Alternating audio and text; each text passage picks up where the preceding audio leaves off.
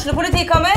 Ine Jansen er purk. Er du purk? The motherfucking bitch. Alt jeg vil, er å finne ut hva som skjedde med mannen min. Jon Carew. Er jeg sikta for noe? Iben Akeli. Det er du. Ole So, Lars Berrum og Big Daddy Karsten. Hvem sin side er du på, egentlig? Anette Hoff, Tone Danielsen, Kommer du fra Afrika?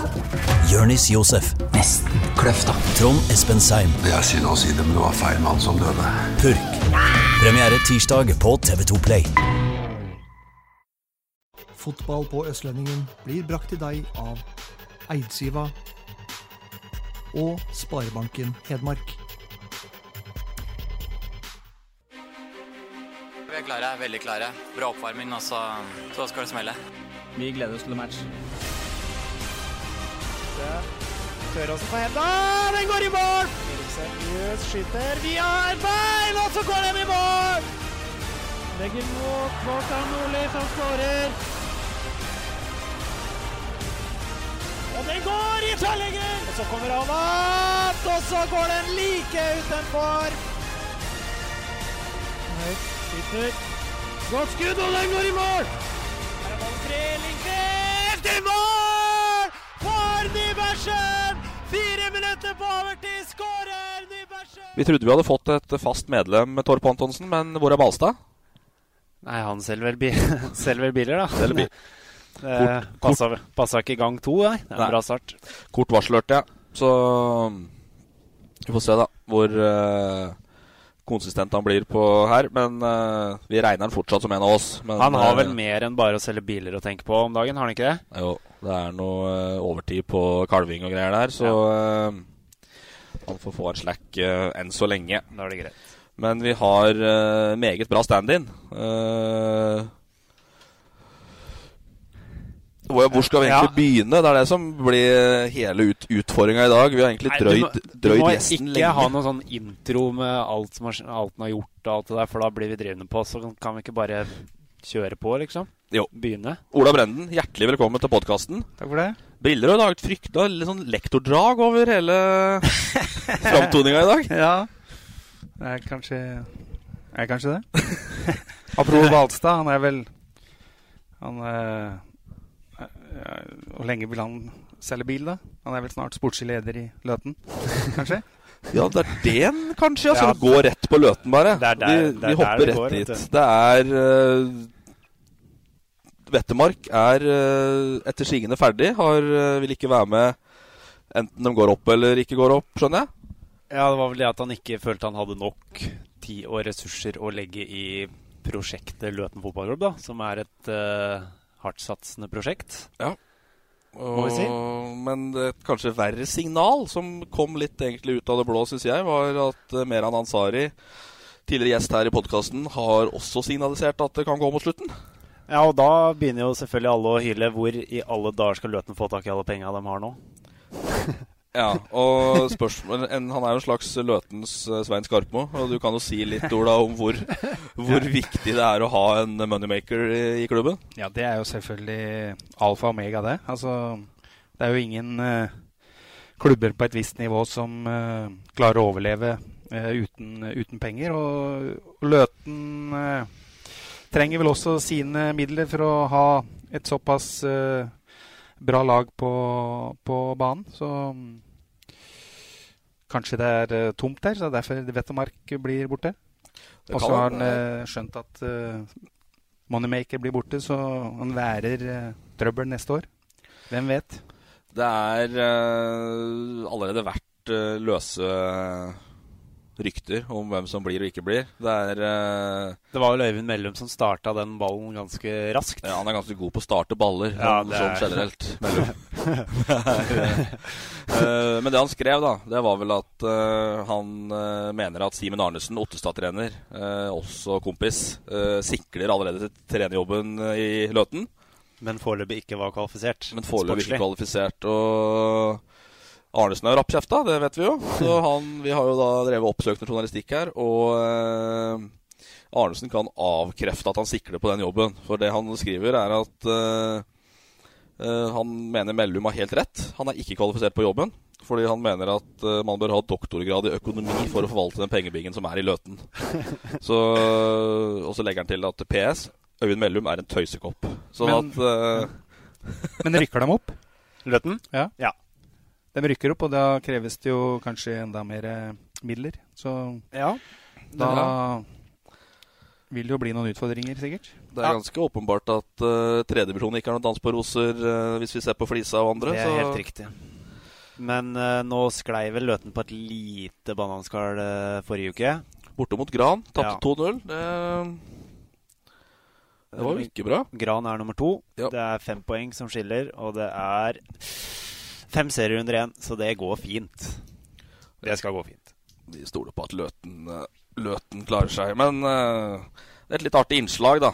Det er litt sånn uh, Jeg vet ikke hvor godt du kjenner dem, Ola, men det er litt, litt, litt sånn sunne gamle dager light uh, over det. Jeg er ikke redd for å si at vi skal klare ting og, og gjøre, gjøre al alvor av det.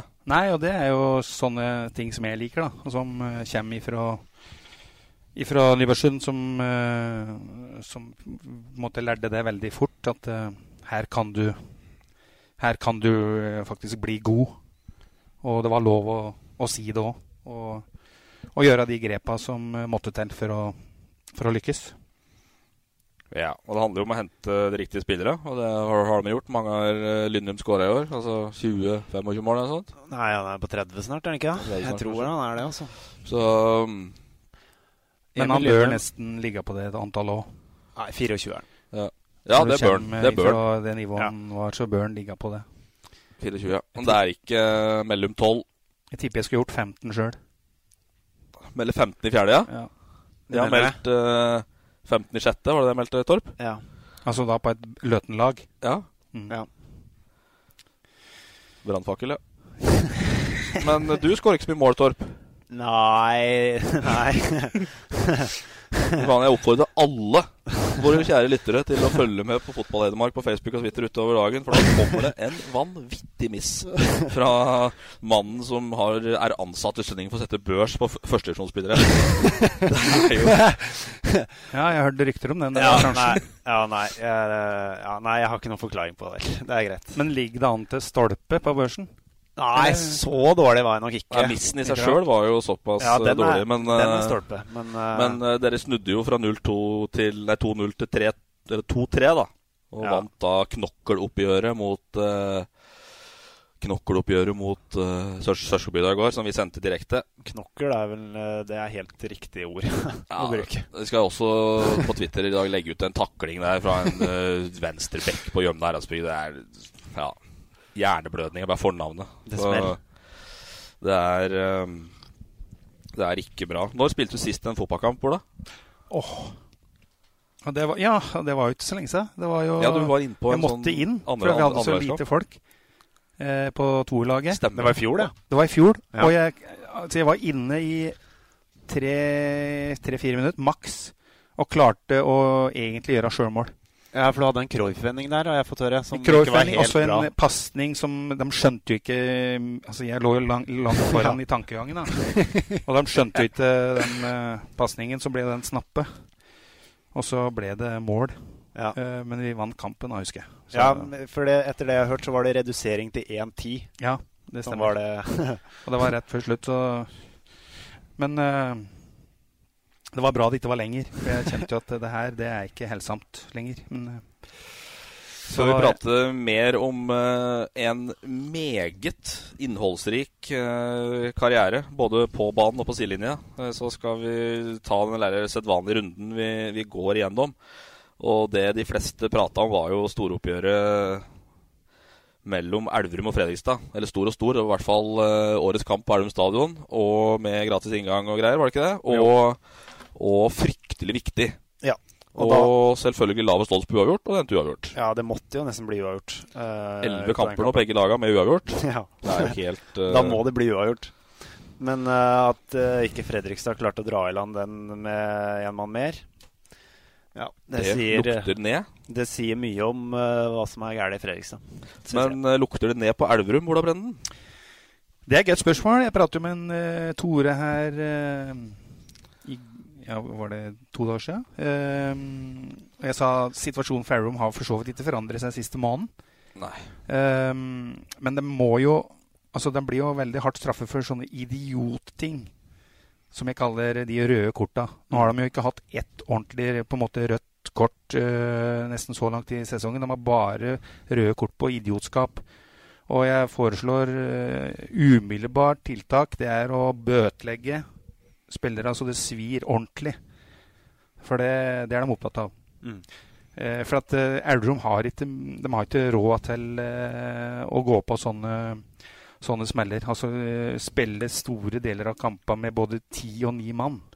Det, det, har de ikke råd til. Altså. Og så kan de Ja, men man har fortsatt mulighet til å klare seg. Jeg var faktisk eh, på, Helt faktisk, jeg var på Elverumstrening en måned siden og så på. Og jeg ble litt imponert over treninga. Jeg syns at uh, nivået var, uh, var, bra. Men, Men det, er det, sagt i mange, unnskyld, det er det sagt i mange år at det er jævlig bra trøkk på disse treningene deres. Ja. Og i år har det vært veldig bra. Det har egentlig vært bra hele veien i år. I fjor da var det mye var det det debatt i om at de ikke hadde andre lag og sånne ting, og det har de vel i praksis ikke i år heller. Altså, Nei, ikke som innebærer noen A-lagsspillere, i hvert fall. da. Men de slipper inn litt for mye mål. Ja.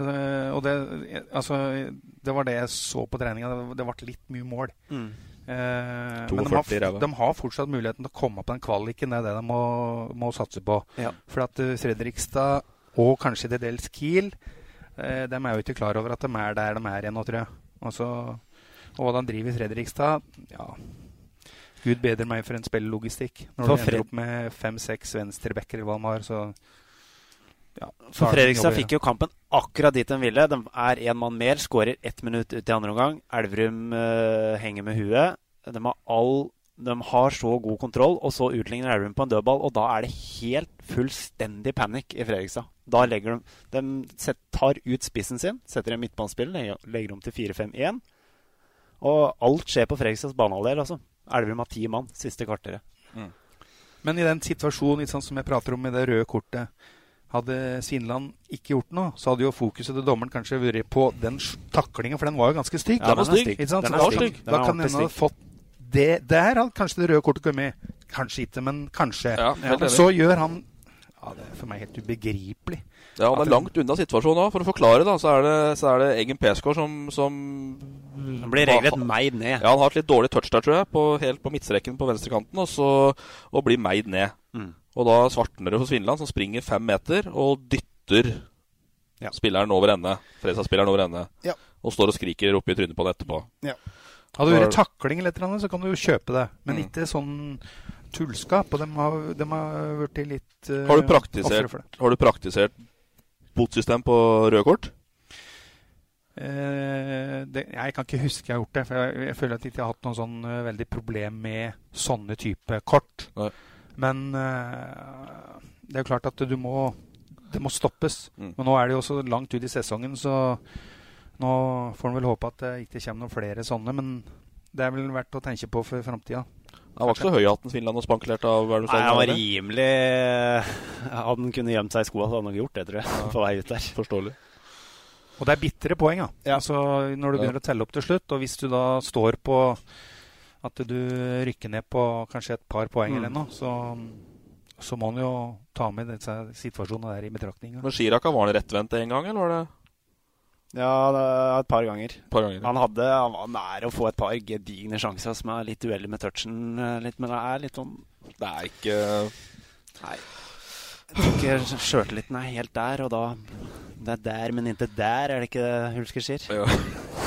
men, ikke der. men det er jo veldig små marginer sant, i, i mm. uh, fotball i første divisjon. Altså, og det handler om å hanke inn de små marginene. Og så kan man si at ja, jeg var uheldig. Altså, jeg var jo så hjemme mot Jerv. Der kommer jo Elverum-spilleren alene med keeperen. Keeperen redder, så går Jerv rett opp og skårer 3-2. Uh, ehm, men det handler om å være god nok. Hadde, mm. hadde han spissen uh, skåret der, eller var vel han uh, Ja, det var en uh, som har spilt i før, som kom i den situasjonen. Han Hva heter han? Oh. Midtbanespilleren som kom inn i den kampen. Jeg tror han som fikk muligheten. Spiller ingen rolle. Men ja. Det handler om å sette dem, ja. og da, da, bikker du faktisk eh, Da tar du tre poeng i stedet for å ende med null. Ja. Mm. Og så ender Persgaard ut med dribbein som nesten står ut av skuldra. Ja, den var, det så ikke noe særlig godt ut. Det var jo også en Ja, det er en sånn løpe ned-smell. Ja, han løper bare rett inn, så det er, jo, det er jo uflaks, da. Det er jo det, da. Ja, Men, et kragebein går der er jo lite å gjøre med, for så vidt. Jeg vet ikke om det har så fryktelig mye, og de putta vel inn Simenstad. Ja. Jeg syns ikke han var noe dårligere når han kom. Nei, jeg syns uh, innimellom kunne vi nok brukt Simenstad mer på venstrebekk, ettersom han er venstrebeint. I hvert fall offensivt så var uh, Simenstad bra siste tida der. Men at det er det første, første bruddskaden til Erlend Persgaard i en alder av 27 år, det er for meg helt ubegripelig. For den der pleier ikke å trekke seg i duella. Nei. Han er vel en sånn type som gir bort veldig mye, og kan få veldig mye. Mm. Men han har vært god. Mm. Det jeg har sett, så syns jeg han har vært en av verdens beste. Så det er en svekkelse for Elverum at han er ute. Mm. Så blir jo Kiel kanskje en liten nøkkel for Elverum her, da, i og med at de har igjen både Elverum sjøl og FFK Arendal. Ja, det er helt riktig. Kiel? Jeg, ja, jeg tror jo Kiel Men det har jeg sagt i hele år, at nei, Kiel klarer seg greit. Men det ligger nede her, altså. Det er vel fordel Elverum, da. Så f- får vel da satse på seier mot Fredrikstad Arendal, tap mot Elverum. Det er vel det man må håpe på der. Ja. Så det blir spennende å se, men det er avgjørende nå igjen Arendal Nå er det Ranheim borte, og så er det Arendal. borte, så er det Arendal hjemme og Åsane og Kongsvinger. Så det er laga nedi der. Ranheim borte er uh, ikke noe lett nøtt. Har eh, to tap hjemme av Arendal i Ranheim. Så, Ja, så tror jeg litt greia for det er å prøve å få en match der du vinner en litt sånn eh, ja, Vi kalte det migseier, vi, da. Ja. Det er helt riktig. Ja. Det er godt altså ord, dra inn en sånn eh, litt sånn heldig 1-0, eller Ja, ja.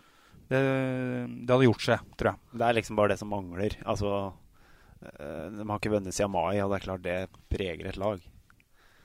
Å klare å bikke en kamp, det, da er det fort gjort at det kommer en til. Jeg syns liksom ikke jeg ser at de har det i seg. At det liksom kan eksplodere eller utløse i noe sånn Enten en sånn migseier eller en 3-0 heller, for den saks skyld, mot Arendal hjemme, liksom. Jeg syns ikke jeg ser det. Jeg husker når vi så på Sundet i 07 og 8, så var det liksom du, du Du kunne forvente hva som helst, liksom.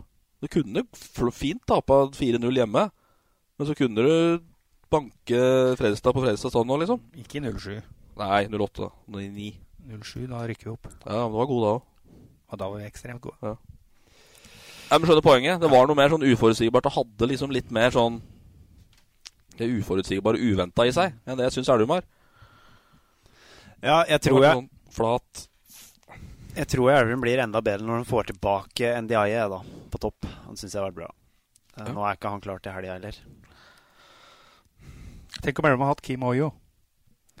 Ja, da hadde han Da hadde de spilt uh, om kvalik, antageligvis. Tipper jeg. Kim Ojo skal vi innom også. Ja. Der er Det det håper jeg. Ja, altså en som eh, gjør eh, ting på egen hånd. Det Ja. har, slik jeg ser det, så har ikke Elverum dem. Nei. Som, eh, og dem, dem fins det jo få av, da. Mm. Så du må sikkert eh, Men vi har jo sagt det her at du trenger du ikke en spiss som scorer 10-15 da? I, for å overleve. Sannsynligvis. I hvert fall er i nærheten. Ja, altså alle lag vil jo helst ha spisser som gjør mål, selvfølgelig. Så, Ja. Og ja, vi kommer sikkert tilbake til Kim Jo, men det var jo Guds gave i forhold til å gjøre ting på egen hånd. Mm. Vi skal tilbake til han. Eh, Andredivisjon. Der driver HamKam og kåler det litt eh, til for seg. Ja, litt til å si Kåler, kanskje, men Ja. de tapte i hvert fall en kamp. Tapte, da. men de, Alta er seks poeng bak. Ja. Eh, like mange kamper spilt, vel? Ja. Og har igjen Alta i Finnmarkshallen. Da er det én seier og Det eneste som kan gi stress der, det er om eh, Tom Nordli slår HamKam mot helga. Ja. Ja, da det blir det tror jeg. stress. Da blir det stress. Hvis det, og det, men jeg tror ikke det skjer. Jeg har sett Skeid både hjemme og borte mot oss. Og jeg tror ikke Skeid er gode nok til å slå HamKam. Nei. HamKam ti strake seire på Briskeby også. Mm. Ti strake seire. 21-3 i målforskjell. Det er ganske sterk hjemmestatistikk, eh, selv i andre divisjon. Så får vi håpe at HamKam er klare før vi møter dem. For det er nest siste runde. Ja. Da tar vi Sundet, da. Det er eh, fire poeng ned til Brumunddalen, under streken. Møter Brumunddalen lørdag klokka fire. Østlendingen sendt eh, kamp. Ja. Den blir viktig, Ola Brennen. Ja, det blir jo et helvete. Så det er klart det hjelper jo ikke på øh, den saken i dag med, i avisen der uh, Ole Jørgen harselerer nesten med Brumunddal. Altså, vi får da vel håpe at, øh, at øh, VIF 2 går ned, da. Og så at begge laga klarer seg. Mm. Så, eh, men det blir ikke lett. altså På Sveum så er det ikke lett, og det er en vanskelig bane. Altså Banen i seg sjøl er utfordrende. Mm. Fordi De har vært i, vært i de situasjonene her Ja, så underlaget. Ja. Underlaget er, er, er, spesielt. Og de har vært i den situasjonen før. og så det blir, eh, det blir, veldig spennende. Hæ? Du har ikke noen god følelse, du? Nei, jeg har ingen god følelse i forhold til å gå og dra på Svem. Det har jeg ikke. Uh, Rølsåsen ute og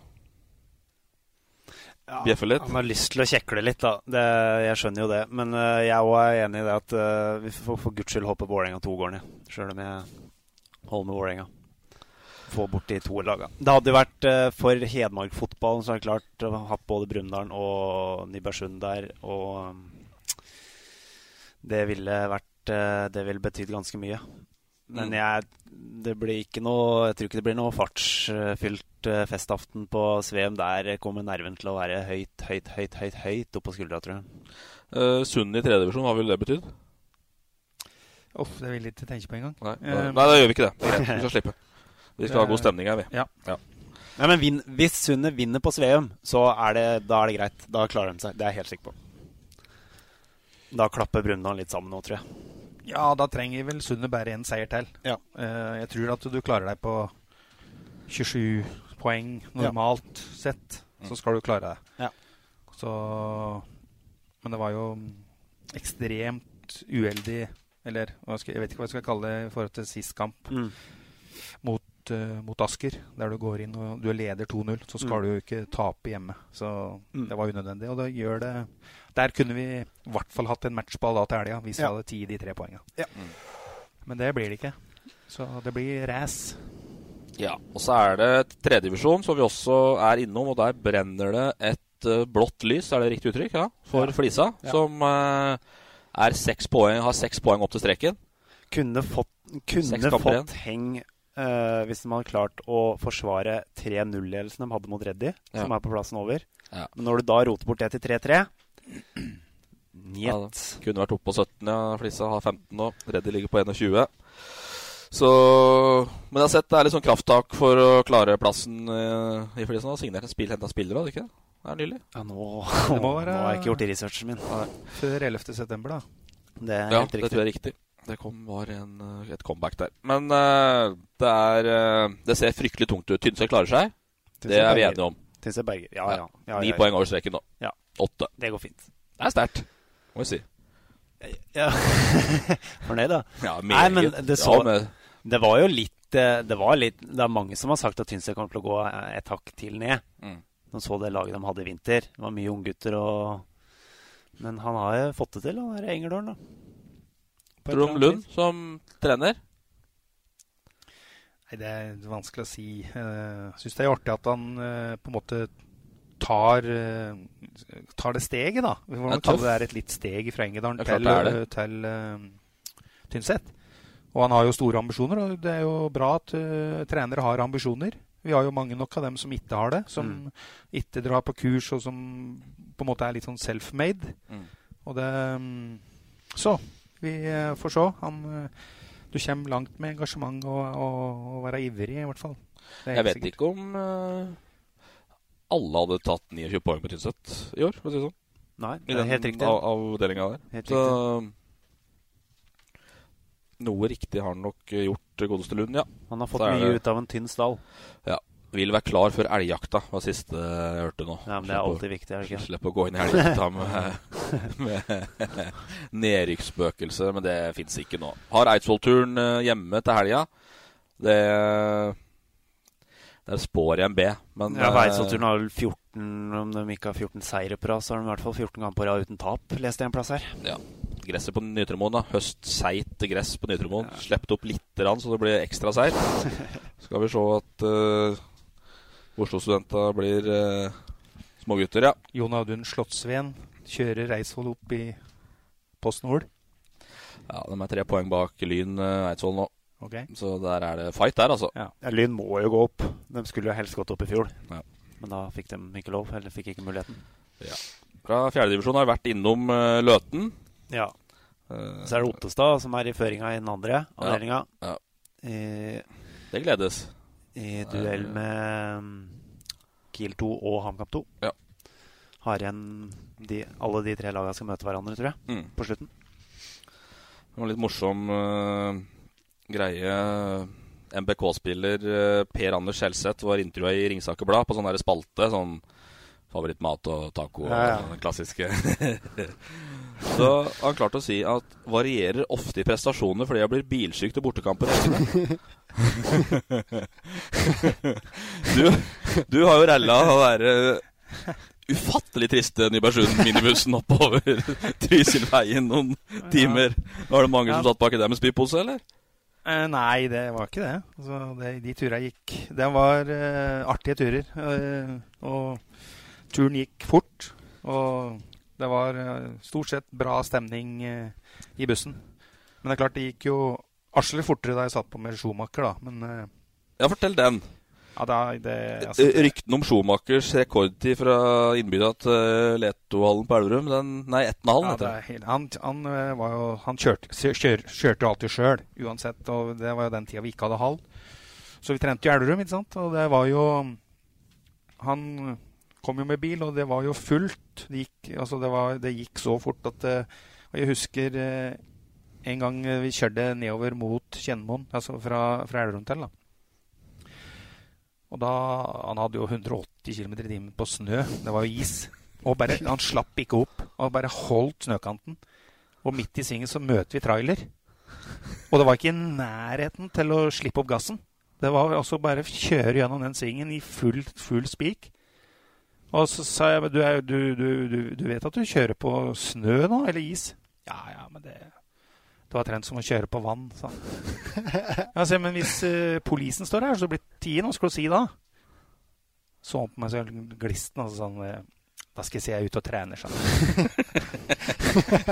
Men hva hva, hva, hva, hva, har Schumacher betydd for Nybergsund? Kan det gå an å sette noe sånn Altså, det, han har jo betydd eh, For det første så har han jo betydd at eh, vi fikk eh, den innendørs hallen på plass.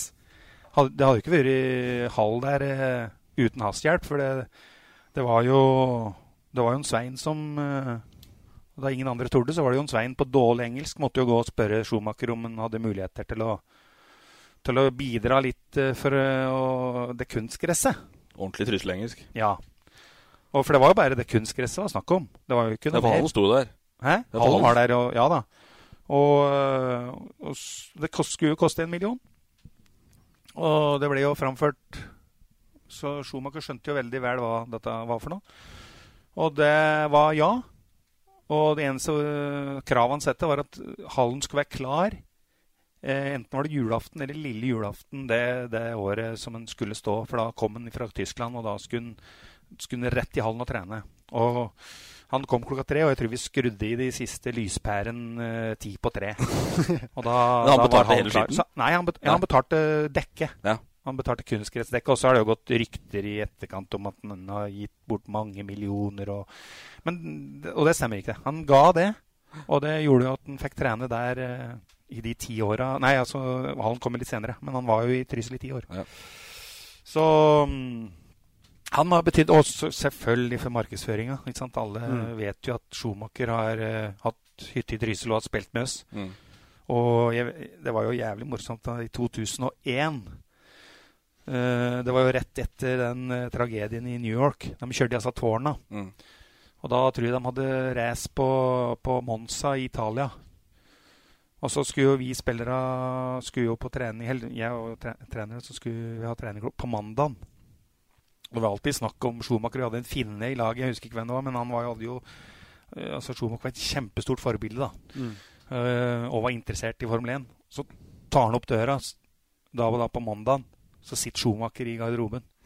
Jeg, jeg, jeg tror nesten hjertet har stoppet. og da var Schumacher i, i Sund i ti dager, da på det, sommeren da, uten at noen visste hvor han var hen. Så spør han, hvorfor er du her? Nei, men han følte at, eh, at han følte seg veldig safe her. Mm. Han følte litt på den der, eh, faktisk den frykta, han òg. Mm. Eh, og da var det beste stedet å være var jo i Trysil. Mm. Så da var han der i ti, ti dager og spilte. Men det ble en sånn hype av det på ett vis òg. Husker, husker du når vi dro til Harstad, Ola? I Det måtte ha vært i 07, da. Da hadde dere rykka opp.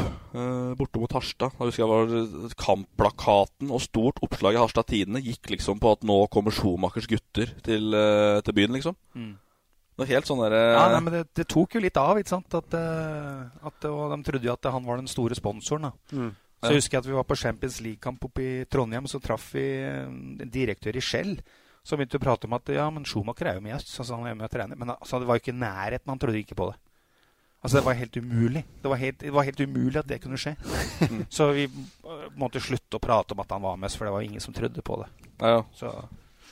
Så men jeg var, jeg, var, jeg har vært to ganger ned i på, på test, eller sett på testkjøring og sånn, og det var det, det, er, det kommer jeg aldri til å glemme, tror jeg. De jeg henger bilde i gangen på Sundet med ja, Brenn og Schumacher. Ja, det var tatt i hallen. Det er de første åra da han kom. Og da, da var det òg veldig oppstandelse første treninga. Det var jo i Trysilhallen. Ja. Og da var det liksom Han trodde jo at det skulle komme paparazzoer, og det var jo svarte søppelsekker i vinduene. Og, og spillere fikk klar beskjed om at du skulle ikke røre den, for da ble det altså ikke takles. Nei. Av han eller av Nei, av, av, agenten, eller ja. av Tørråsen. Ola ja. Tørråsen. Måtte på dødelig ikke takle den. Og det gikk akkurat 20 sekunder, så smalt det i veggen. Det var Tommy Haugen da, som smelte Schumacher rett i veggen. Men, eh, men Schumacher bare smilte og lo. Han Syntes det var helt greit. Han syntes ja. det var litt hardere trening her enn i Roma, sa han. For han var jo overalt og spilte. Han, var, han, elsker jo fotball. Ja. Jeg tror han likte fotball bedre enn uh, å kjøre bil. Nei, men Det er bra. Da har vi satt standard med Schumacher. Um, Fortell litt om, om Vi går gjennom karrieren ditt, Ola. Uh, som, uh, som, spiller Fryktelig god boksspiss har jeg hørt. Jeg har aldri sett deg spille, men ekstremt god boksspiss har jeg hørt. Ja Jeg var jo det. Altså, jeg var jo Var det Oppgjord som sa? Mente at jeg var Norges beste på volley. Volley og volleyavslutninger. Og det, det, har, det er jeg nesten enig i. god på volley. Det er kult å være god på volley. Altså. Ja, og så det med å skyte og, og det, kommer jo til at uh, jeg trente veldig mye. Altså jeg, Vi hadde jo en stor låve i tørrberget. Og det var der vi, vi, var. Jeg og Heidi var søstre, storesøster. da, Hun var jo kamper i toppserien nå òg. Og det var der grunnlaget ble uh, lagt. Altså, det var å banke og skyte og skyte og skyte. Og, og den, eh, den treninga der hjalp meg til å være veldig god i avslutningsøyeblikket. Og jeg var jo ikke noe jeg var ikke noe sånn spesielt rask. Jeg, sånn, jeg klarte ikke å drible en mann. Det irriterte meg nå voldsomt. At jeg klarte ikke å gå forbi noen. Det, så, men jeg var liksom eh, først da ballen kom inn i boksen, og, og traff jo ofte mål, da. Jeg pleier jo å si det til de jeg har hatt, at eh, det hjelper ikke hardt å skyte hvis du ikke treffer mål. Nei. Og ugla er frede. Mm. du må treffe mål. Vet Bredvold at ugla er frede? Ja, du må treffe mål, da kan ballen gå inn. Du så Kaima Sag i helga, som skyter og treffer mål. Ballen går midt i mål, går mellom bena på keeper. men han treffer mål, og da ja, kan du selvsagt gå i mål. Ja. Vet Bredvold at ugla er freda? Og brev, ja, men Brevold er jo en underlig skru. Altså, der må jeg nesten ta. Man, Brevold har Altså, eh, Brevold har jo noe som ingen andre har hatt før. Altså, jeg oppdager jo Brevold da han var på Kjellmyra. Så skal vi på treningsleir i Grimstad. Så ringer han. Så spør jeg Brevold har lyst til å være med på treningsleir. Og da er han altså ikke slik som alle andre. Nja Drar og vender og vrir og skal spørre dama og mor og far og se om det passer inn i kalenderen. Ja, sånn. Jeg skal være med. Jeg blir med. Å ja, hans, å ja, han var sånn, ja. Det var kort og greit, og da kom han på Grimstad. Og da hadde han, da hadde han blå Petterøes i lommen. og rullings. Og han drev rullingser. Og jeg, han røkte vi jo i hvert fall 20-30 rullingser. Jeg, det var Brevold, altså. Men altså, det skal han ha. Han eh, Ja, tvert. Og så også, også, som du var litt tilbake til, han la alt altså Han skulle skyte fra 30 meter han da, på alle treninger. Ja. Og da gikk det jo altså, Og det prøver vi òg å si. At eh, hvis du skal ha skuddtrening, da, eller måltrening, kall det hva du vil, så må du jo treffe mål. Det er jo det du skal trene på. Og hvis du da har sett ballen Jeg er motstander av at du setter ballen utafor 16 jeg, da, og skyter fra utafor 16. Men Brevoland satt den på 30, ja. Like så greit. Men du må, du må jo sette ballen så nærme mål at du scorer ofte. Ja, ja. Altså, score ti av ti. Begynn på 11 meter, da. Mm. Eller, og så går du heller ut. Og ikke, for da trener du på å skyte utafor. Du trener jo på, altså, han trente jo på å skyte over Brevold. Mm. Så Men det er, Men ja, for det, var, det, på poenget mitt var akkurat det. Jeg var mye på Sunne-trening de åra der. Og jeg har aldri sett noen med så lite kvalitet i treninga på, altså på skuddtrening. Og, og, så- og spesielt sånn Spesielt det derre mellom Altså etter vannpauser og sånn. Bare sånn fla, flapseskudd hele tida. Er, men det er sånn vi driver med, det, vet du. Ja. En eller annen løk som sparker ballen langt inn i busskassa her Ja. når alle andre har pause. Ja, så må vi gå og det hente den etterpå. Ja, og litt samme med uten sammenligning Kim Oyo. Ja. Altså Da han kom, så var jo ikke mål mål. Det skulle jo være kremmerhus. Ja. Jeg husker han kom uh, flere ganger alene med keeper, og han skulle sette dem opp i kryss og sånn. Men det fikk vi jo lært den. At Mm. uh, skår mål. Og det, der hadde jo en Tore en enorm uh, Tore Fossum. Men eh, der gjorde han en god jobb i forhold til Kim Ojo. Mm. Og så endte du Altså, du har mange mål har du, Sunne? Hun, er det 137, eller? 37, ja. Nei, 138. 138. Og endte så vidt i HamKam, men ikke lengre. Var det eget Nei. valg, eller var det tilfeldig? Jeg var jo en tur i Vålerenga, da. Vålerenga var det en tur. Først, da Vintersesong? Ja, det ble skade. Siste treninga før, på en måte, før seriestart, eller rett før, så ble jeg skade. Og da var jeg i ferd med å bli omskalert til back. Og så var jeg veldig utålmodig. Eh, skulle på død og liv komme fort tilbake. Jeg opererte jo, da. Og det gikk jo altfor fort, og fikk jo baksmell så det holdt. Og satt i tiende etasje på Grorudblokka og ventet på treningen som skulle begynne klokka tre. var ikke så artig. Så det blir veldig tungt. Og det var litt lite apparat rundt klubben den klubben da, klubba den gangen. Så Snakker vi rundt 90 her? ja, 89-90, ja. Ja. Og det er kanskje det dummeste jeg har gjort i, eh, i valgene mine. Det var da å, å dra hjem igjen. Mm. For da skal jeg være mye mer tålmodig. Mm. Og da eh, For da tror jeg det faktisk blitt en helt habil eh, høyrebekk, og Norge den tida hadde jo ikke høyrebekker, stort sett. I hvert fall ikke noen supergode, så det, det var et dumt valg. Og så ble det jo HamKam. Mm. Et år. Ja, ett år. Og da hadde jo Og det irriterer meg nå grenseløst. Jeg ble jo skadet da, da. Og da hadde jo klubben en eh, ekspert på øre, nese, hals som var eh, lege. Oh, ja. Ja, du hørte riktig. Han var ekspert på øre, nese, hals. Og skulle prøve å finne ut hva trøbbelet i ankelen min var. Så der, der redder jo eh, Bendiksen meg. Ja. For da ble jeg sendt til Bendiksen etter hvert. Det gikk jo så lang tid. Johaug-legen, ja. Og det var så bra. Han var jo så grundig, og vi fant faktisk ut av det. Men, og jeg gikk jo til Knut Høie og Elle her i Elverum, liksom litt på smyg for å finne Og Elle, Elle var jo inne på det riktige. Han setter jo kortisonsprøyte. Jeg, men jeg begynte å trene dagen etter. Ikke sant? Det var jo det som var For den funker. Så kom vi opp til Bendiksen, og så «Hæ? hva er det, Så måtte vi begynne å tenke hva er det som hadde skjedd. Jo, vi var jo inne i å teste i Hullmannsdalen. På et helt annet underlag. Eh, så vi fant liksom på en måte ut at det var starten. da. Og så, og så sa han 'gå bortover gulvet'. her, sånn. Ja, jeg gikk bortover. Så. Ja, du er jo tågjenger, du, sånn. Du går jo opp på tå som eh, sånne ballettdansere. Jeg skal ta en telefon, sa han. Så tok, ringte, så, for jeg, gikk, jeg går jo opp på T-en. da. Mm. Jo, da sa han ja, du har en sånn seneskjedebetennelse under ankelen, som ballettdansere ofte får. Ja, hva er eh, Hva er, eh, hva, er, eh, hva, hva, hva skal jeg gjøre, da? Eller hva, skal du gjøre? Nei, jeg må sette kortisonsprøyte sånn. Ja, men se, det har jeg prøvd. Ja, men hvor lenge venter du etter sprøyta? Nei, jeg var jo på trening dagen etter. Nei, nei, nei, nei, sånn. Nå skal jeg sette to, to sprøyter, så venter du ei uke. Og det gjorde jeg, og kjente ingenting. Absolutt ingenting. Og da og det er jo helt, så Da ble jeg jo klar igjen. Og så skal HamKam møte da Rosenborg. Og da har jeg vært ute ganske lenge. Så tenker jeg, altså Da fikk jeg spille en halv B-kamp da midt i uka, for jeg var, da var jeg frisk igjen. Mm. Og så kom vi til søndag, det var jo kjempematch. altså Det var jo jeg tror det var 12 000, eller det var jo granskog med folk på Briskeby. Den, eh, den kampen. Vi ble jo nummer fem i Tippeligaen. Mm. Og så kommer troppen, den bruttotroppen. Han hadde, Peter Engebrøksen hadde jo en bruttotropp først. Og ja, da var jeg plutselig med der, da. Tenkte han ble sittende oppå verandaen oppå bak målet der. Ja, Så kommer til tropp. Ja, da var jeg med der òg. Det betydde at jeg satt på benken.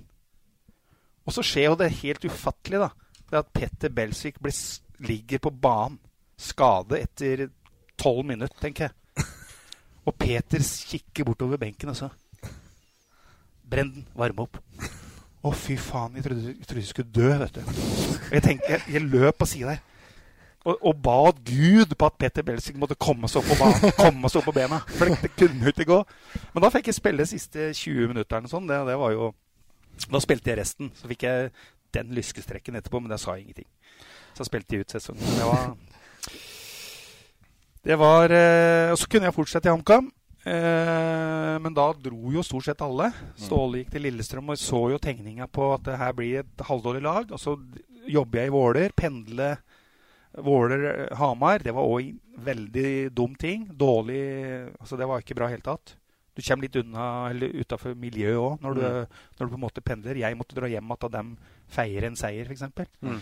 Så det er det er viktig å være en del av, eh, mm. av laget når du, når du vinner òg. Mm. Så, så hadde du en fast jobb der, ikke sant? og så ble det valget hva gjør jeg nå? Og så kunne ikke de garantere meg liksom en jobb på Hamar. Og da, da ble valget at eh, nei. Øh, jeg så jo kvaliteten, så da ble det med ett år. Mm. Mm. Og det forferdelige var at jeg gjorde ikke mål. I HamKam? Nei. Nei. Altså på, i serien. Nei. Jeg hadde, altså Det var jo helt utrolig. Jeg hadde jo en del gode sjanser. Mm.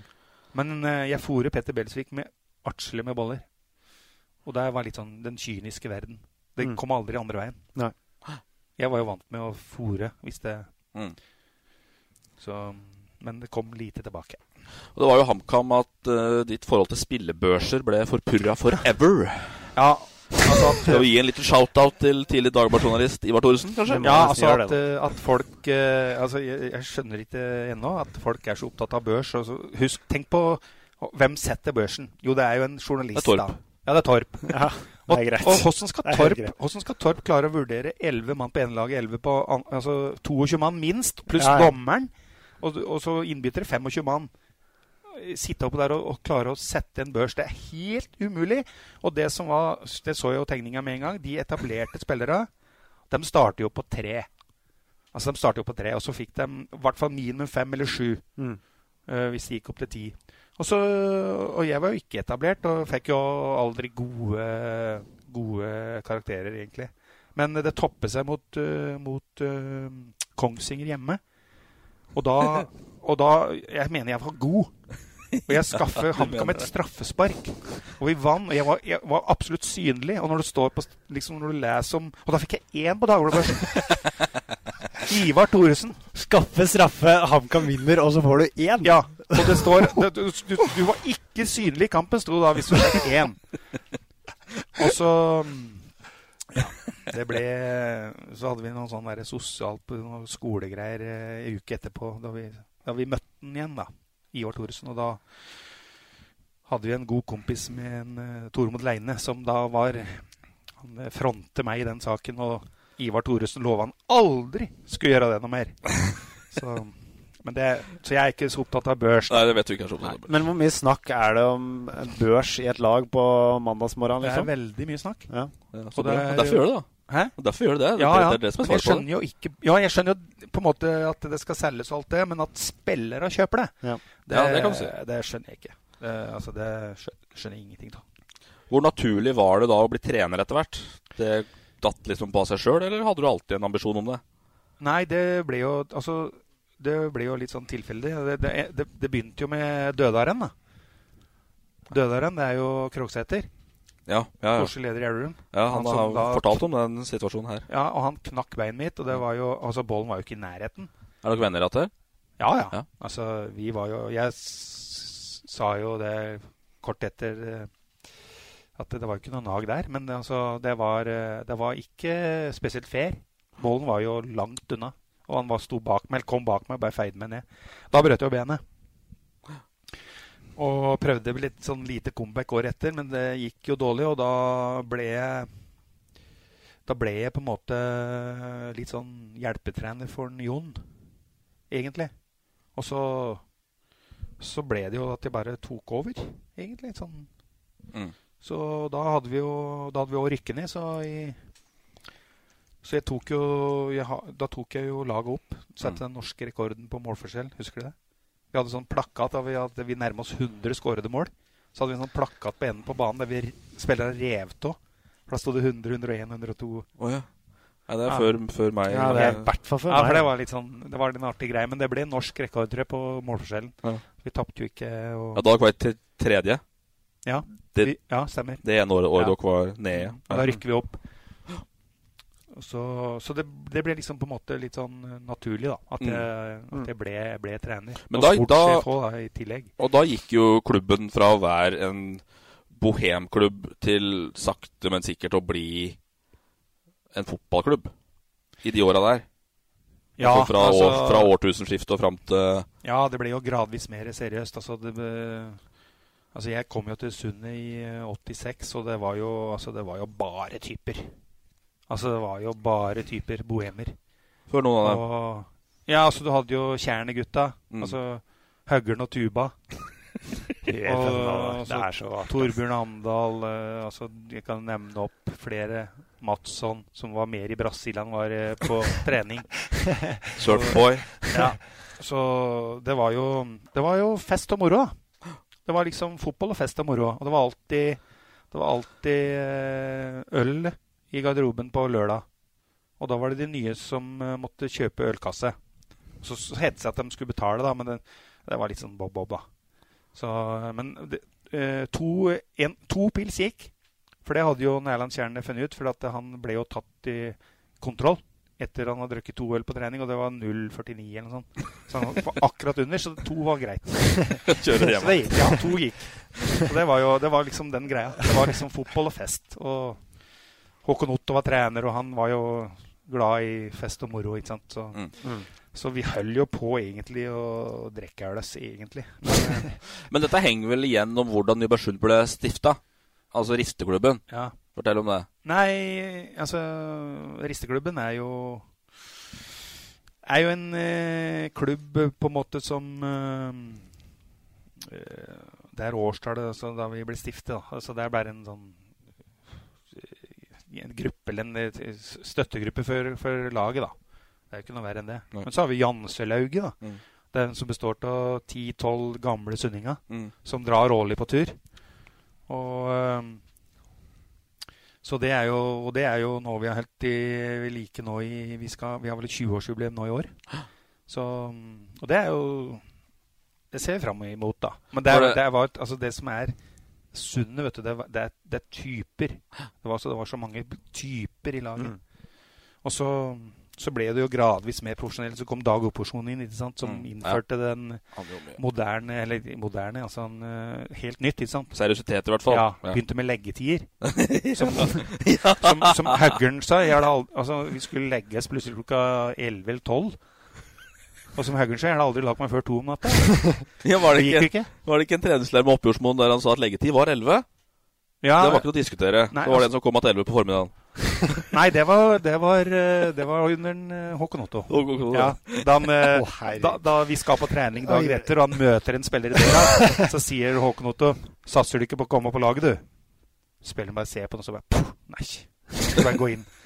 Men, men, men Dag Opersson han, han, han, sa jo opp på en treningsleir. Det er kanskje ikke så mange som vet, men han sa opp i, på en treningsleir vi hadde på Gotland. Da var, han var, var veldig sånn på tier. Mm. Avtale tier. Og så skulle jo Vi bodde jo litt utafor Visby, og så skulle jo den bussen gå hjem til de hyttene vi bodde på. eller noe sånt. Men så var det jo sånn at det var alltid noen som hadde igjen noe i glasset. Så vi kunne ikke dra. Og da, da ble det jo sånn at de 11-12 som på en måte var førstelaget, da, eller på en måte, dem, dem satt jo der. For vi måtte jo vente. Vi kunne ikke dra. Vi måtte jo vente. Det var vente, vente, og så var det noen som hadde bestilt seg nytt. Så, så, den bussen dro. Og da hadde vi jo brøt i et uh, tidspunkt sant, og leggetid, og det var til huskestue uten annen verden. Så, og da sa jo Dag Oppersmoen opp da på natta dagen etter, men vi fikk jo vi fikk jo rodd inn det. Vi hadde jo en del beklagelser i bussen, og det var jo en eh, det var et styr. Men uh, gudskjelov så har det blitt litt mer profesjonelt. Så um, ja. Um, det var uh, Og så, så, ender jo dette i et opprykk til slutt. Altså det var, Sundet var et annendivisjonslag som var å regne med uh, etter hvert. Det henta typer og jeg, når jeg begynte å følge dere, så var det Laftan og Kleiven som var liksom uh, gutta som herja på topp der. Og så endte det med et opprykk i 07. Mm. Men jeg må jo fortelle om et opprykk før det. da. For at vi rykker jo opp uh, til andredivisjon etter den kvaliken. Som var ganske greit gjort. Da vant vi jo tredjedivisjon, og så måtte vi møte ja. en annen tredjedivisjonsavdelingsvinner. Ja. Og så den som ble nummer sju eller åtte i annendivisjon. Og det følger jo til at vi møtte både Rygge og Ski, tror jeg, eller Follo. Så møter vi Follo, og så, så går det to minutter, så blir Lars Blikst utvist, utvist, og vi får straff imot. Og vi går inn til pause med 2-0 bak. Og da var jeg helt overbevist om at vi, vi, altså vi kunne ikke slappe inn nummer tre. For da hadde vi ikke klart eh, da hadde vi ikke klart å slå Rygge så mye som vi måtte hjemme mm. i den siste kampen. Mm. Og det er en av de beste pausene jeg har gjort.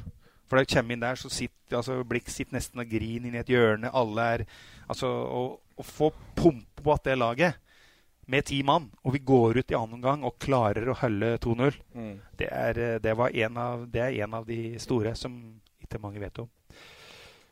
Men så ble det jo opprykket i 07 til et uh, nivå til. Ja. Og det var jo Altså, det er jo Da ble det, det ble fest da òg. Det er glansbildehistorier. Ja. Men uh, sanninga var jo at vi hadde et bra lag i 2007. Vi hadde en sjølgående midtbane med Mirsa og Storebekk og Buer, Johansen ikke minst. Ja, Kleppe var bra når han ja, kom inn. Så vi, det var et vanvittig andredivisjonslag, ja. Ja, vi, var, vi, hadde et bra lag. Mm. Og det var jo en vanvittig opprykksfest. Men det ble jo den uh, da vi slo Rygge hjemme. Ja. Da Millie var det, ble den store. Han skåret så mange mål. Hadde ikke tid til å kjøre hjem til Sund engang. Måtte stoppe i Oslo og feste. da Ja, vi gjorde det. Så da gikk det slag, Ulf Bakke åpna Horgans, sånn. Ja, stemmer. jeg kjørte hjem, men uh, Nei, det var, eh, det var fantastisk. Og så Hva var overgangen for deg da å gå fra å være holdt på å si gåseøyne andredivisjonstrener, uh, breddefotballtrener, til å bli topptrener? Kjente du noe på det sjøl? Eh, nei, men altså, du måtte jo gjøre som vi pratet om før. Altså, du måtte jo ta de nødvendige kursene, ikke minst. Ja. Og ta kurset opp. Og jeg vet jo at opposisjonen var jo egentlig litt motstander av det å gå på kurs først. Men så ble en jo veldig eh, en forkjemper av det. Og jeg er glad for at jeg tok de kursene, og måtte jo ta de kursene òg. Men alt ble jo mye mer profesjonalisert. da, ikke sant? At uh, du, Vi visste at vi måtte jo ha et mye bedre lag, og hadde hele, plutselig hadde du hele verden og Tato til spillere. Mm. Og, og, vi hadde faktisk hele verden nesten innom på treninger og prøvespill, tror jeg, i begynnelsen der. Mm. Ja. Og vi prøvde å feile noe voldsomt. For det, det, sier jo mye. For dagen etter opprykket, litt skjev i blikken der på Lofungen her, så sier du til østlendingene at det er ikke noe problem å gjøre eller lage sunning av en afrikaner. Nei. Sa du da. Var det riktig? Ja, Eller hvor lett var det, for å stille Nei, altså, det er jo ikke lett. Og jeg skrev jo, skrev jo den der eh, oppgava mi, A-kursoppgava mi, da. Eh, om akkurat integrering av afrikanere. Eh, litt, litt på bakgrunn av det jeg hadde liksom lært. Og det er, det er ikke lett å, å, integrere, men det er ikke umulig. Men du må gjøre Altså, norsk, norske klubber, dem de uh, blir veldig interessert i den oppgava til slutt. Eller i ettertid. For det, du går så, går så, i mange fallgruer. Mm. Og det første felen vi gjør, på en måte, det er jo at vi, tar, vi henter dem inn på altfor kort tid. Uh, det er kaldt. Uh, de kommer fra 40 varme, og de skal ut på 20 blå. Og det vi gir dem av mat, det er jo brødmat. Mm. De er jo ikke vant med brødmat i hele tatt. Og hva skjer da? Jo, de blir, den blir jo sliten i kjeven. De blir støl i kjeven rett og slett, og eter brødmat. Og vi gir dem brødmat. Og det fører til at de ikke, ikke eter lenger. Det er sånn der som ingen tenker på. En uh, afrikaner er vant med fofo. Han. Fofo det er også ordentlig skikkelig varm, uh, tradisjonell uh, nærmest sånn suppe, grønnsakssuppe med potet Altså alt oppi. Mm. Varm mat tre ganger om dagen. Mm. Så du kan begynne der. Og norske klubber eh, eh, hadde masse eksempler på at norske klubber bare stappet dem sammen på samme leilighet eller rom. eller sånn. Mm. Og så trodde jeg de skulle bli integrert. Mm. Eh, masse men, men det går an å lage Det går an å lage sunning av afrikanere. Det har vi jo bevist. Og Hva er det beste beviset på det? Nei, men, altså det beste beviset, men altså det som tok mest jobb, og absolutt mest tid og mest jobb i forhold til antall folk og ressurser, det var jo Kim. Men det er jo et, et utrolig spesielt tilfelle. Ja da. Og så var det fordi han var best òg. Han ville jo, han visste jo at man kunne få til han. Nei, det var ikke bare det. For at de andre altså, når, Hvis du tenker på skolegang og hele den pakka han hadde, var gjennom, så hadde, var det så store mangler, på en måte. Ja. Så han måtte jo læres til alt. Og vi hadde jo, vi hadde jo sju manner rundt som hjerte på en måte Kim den gangen. Ja. Men vi har jo, vi har jo, altså, vi har jo kenyanere med Wycliffe, Adam Shaban. Mm. Eh, masse eksempler på at det funker. Adam Shaban som for øvrig nøytraliserte Messi i helgene, og så satt han på benken hos meg. Men Ja, og ingen, ja, ingen som visste. Fikk det på i, dagen før en kamp nede i Skien. Så kom det for en dag at han hadde 15 landskamper for Kenya. Mm. Men var, det han som, var det ikke Wycliffe hadde Landskamp for Kenya, han ikke det? Ja, det Ja, husker det jeg kan ikke men Det han, han- Adam han Shaban som henter hadde vi jo- 15 og var fast på laget Ja, nærmest. Wycliffe henter vi fra Løvan. Så Ja. han henter vi jo ikke direkte. Men, eh, men Adam Shaban henter vi jo. Og eh, han syntes sikkert det var litt spesielt at han hadde nøytralisert Messi da i landskamp, og så måtte han spille på Sunne 2. Meget lojal type, da. Veldig. Ekstremt lojal type. Veldig. Og nå er han i Canada. Ja. Men da dere hentet Kim Ojo, var det Visste dere hva dere fikk? Eh, Altså sånn rent sportslig, eller var det et skudd i blinde? Nei, det var jo på anbefaling av Lyn Ja, og Torgeir i- Bjarmann. han har For vært det var jo Lyn som hentet den. Ja. Og de ville plassere den i Norge. De, de mente at den ikke var god nok for Lyn, Ja. men de ville ha at den skulle plasseres i Norge, og så eventuelt at de skulle ha førsteretten på å hente den tilbake. Ja. Det var det som var dealen. Men eh, vi betalte jo Vi betalte jo Jeg tror vi betalte 250 000 til den eh, afrikanske klubben som den kom ifra Mm. den gangen. Mm. Så eh, Men det var eh, Det var, eh, det var det vel verdt. Ja, det er helt Ja. For det maken til spiller, det er 18 år, og det skulle litt lenge etter. Ja, og det var jo et, en utfordring selv for oss å håndtere Kim Ojo. Altså, det var, eh, det var et problem for østlendingen, faktisk, at, at uh, den beste spilleren på laget kunne nesten ikke prate med. Fordi at det kom ikke noe vet du. Nei. Det kom uh, kristendom og Gud, og eller så var han uh, hvis han var blid, eller så var det slakt av deg eller andre hvis noe var sur. Ja. Og skulle bort. Ja. Og det visste vi jo at det ikke stemte eller kom til å skje. Så du kunne på en måte ikke skrive det. Nei, han var, det var utfordringen. Han skulle jo til Mourinho. Ja. Fordi at eh, Gud, han hadde en avtale med Ja, Gud. stemmer det. Mm. Han hadde gjort en avtale med Gud at uh, han skulle til Mourinho.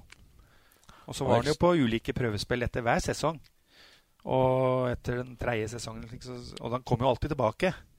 Og ble jo sparken hit, så han var i 18 eh, Altså han var i München, og de, de var jo ikke greie med ikke sant? Nei. Og da, og da kom han alltid tilbake. Og så, så sa jeg men nå må du kanskje dra hjem igjen. Nå har du ikke vært hjemme på flere år. Å nei, nei, det var dangerous. Ja. Så han uh, var da i Trysil.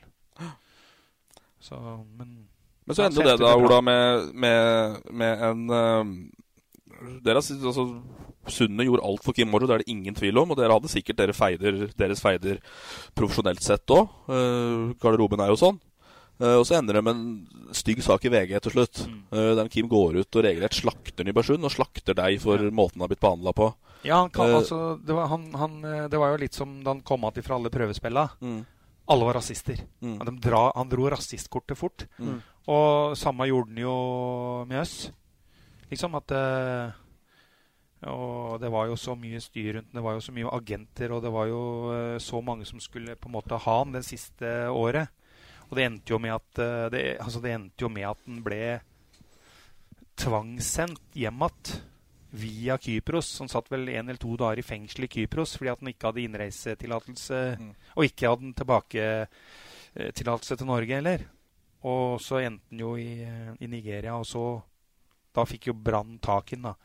Men eh, hvorfor han liksom skulle stemple oss, eh, det har jo litt noe godt svar på, men han var jo veldig opptatt av at gjorde noen dugnader. ikke sant? De, Mm.